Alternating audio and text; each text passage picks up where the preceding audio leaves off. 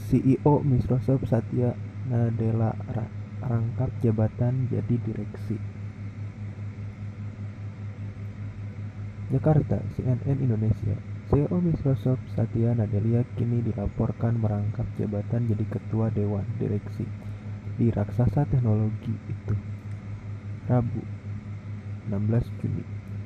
Nadella telah menjabat sebagai kepala eks eksklusif perusahaan itu sejak 2014 dan telah membantu mengubah perusahaan pembuat sistem operasi PC itu menjadi jawara dalam komputer dan komputerisasi awan beberapa tahun terakhir.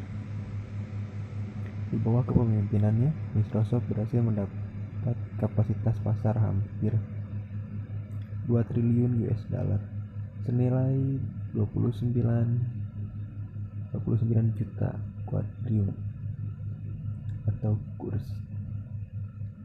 Microsoft mengatakan bahwa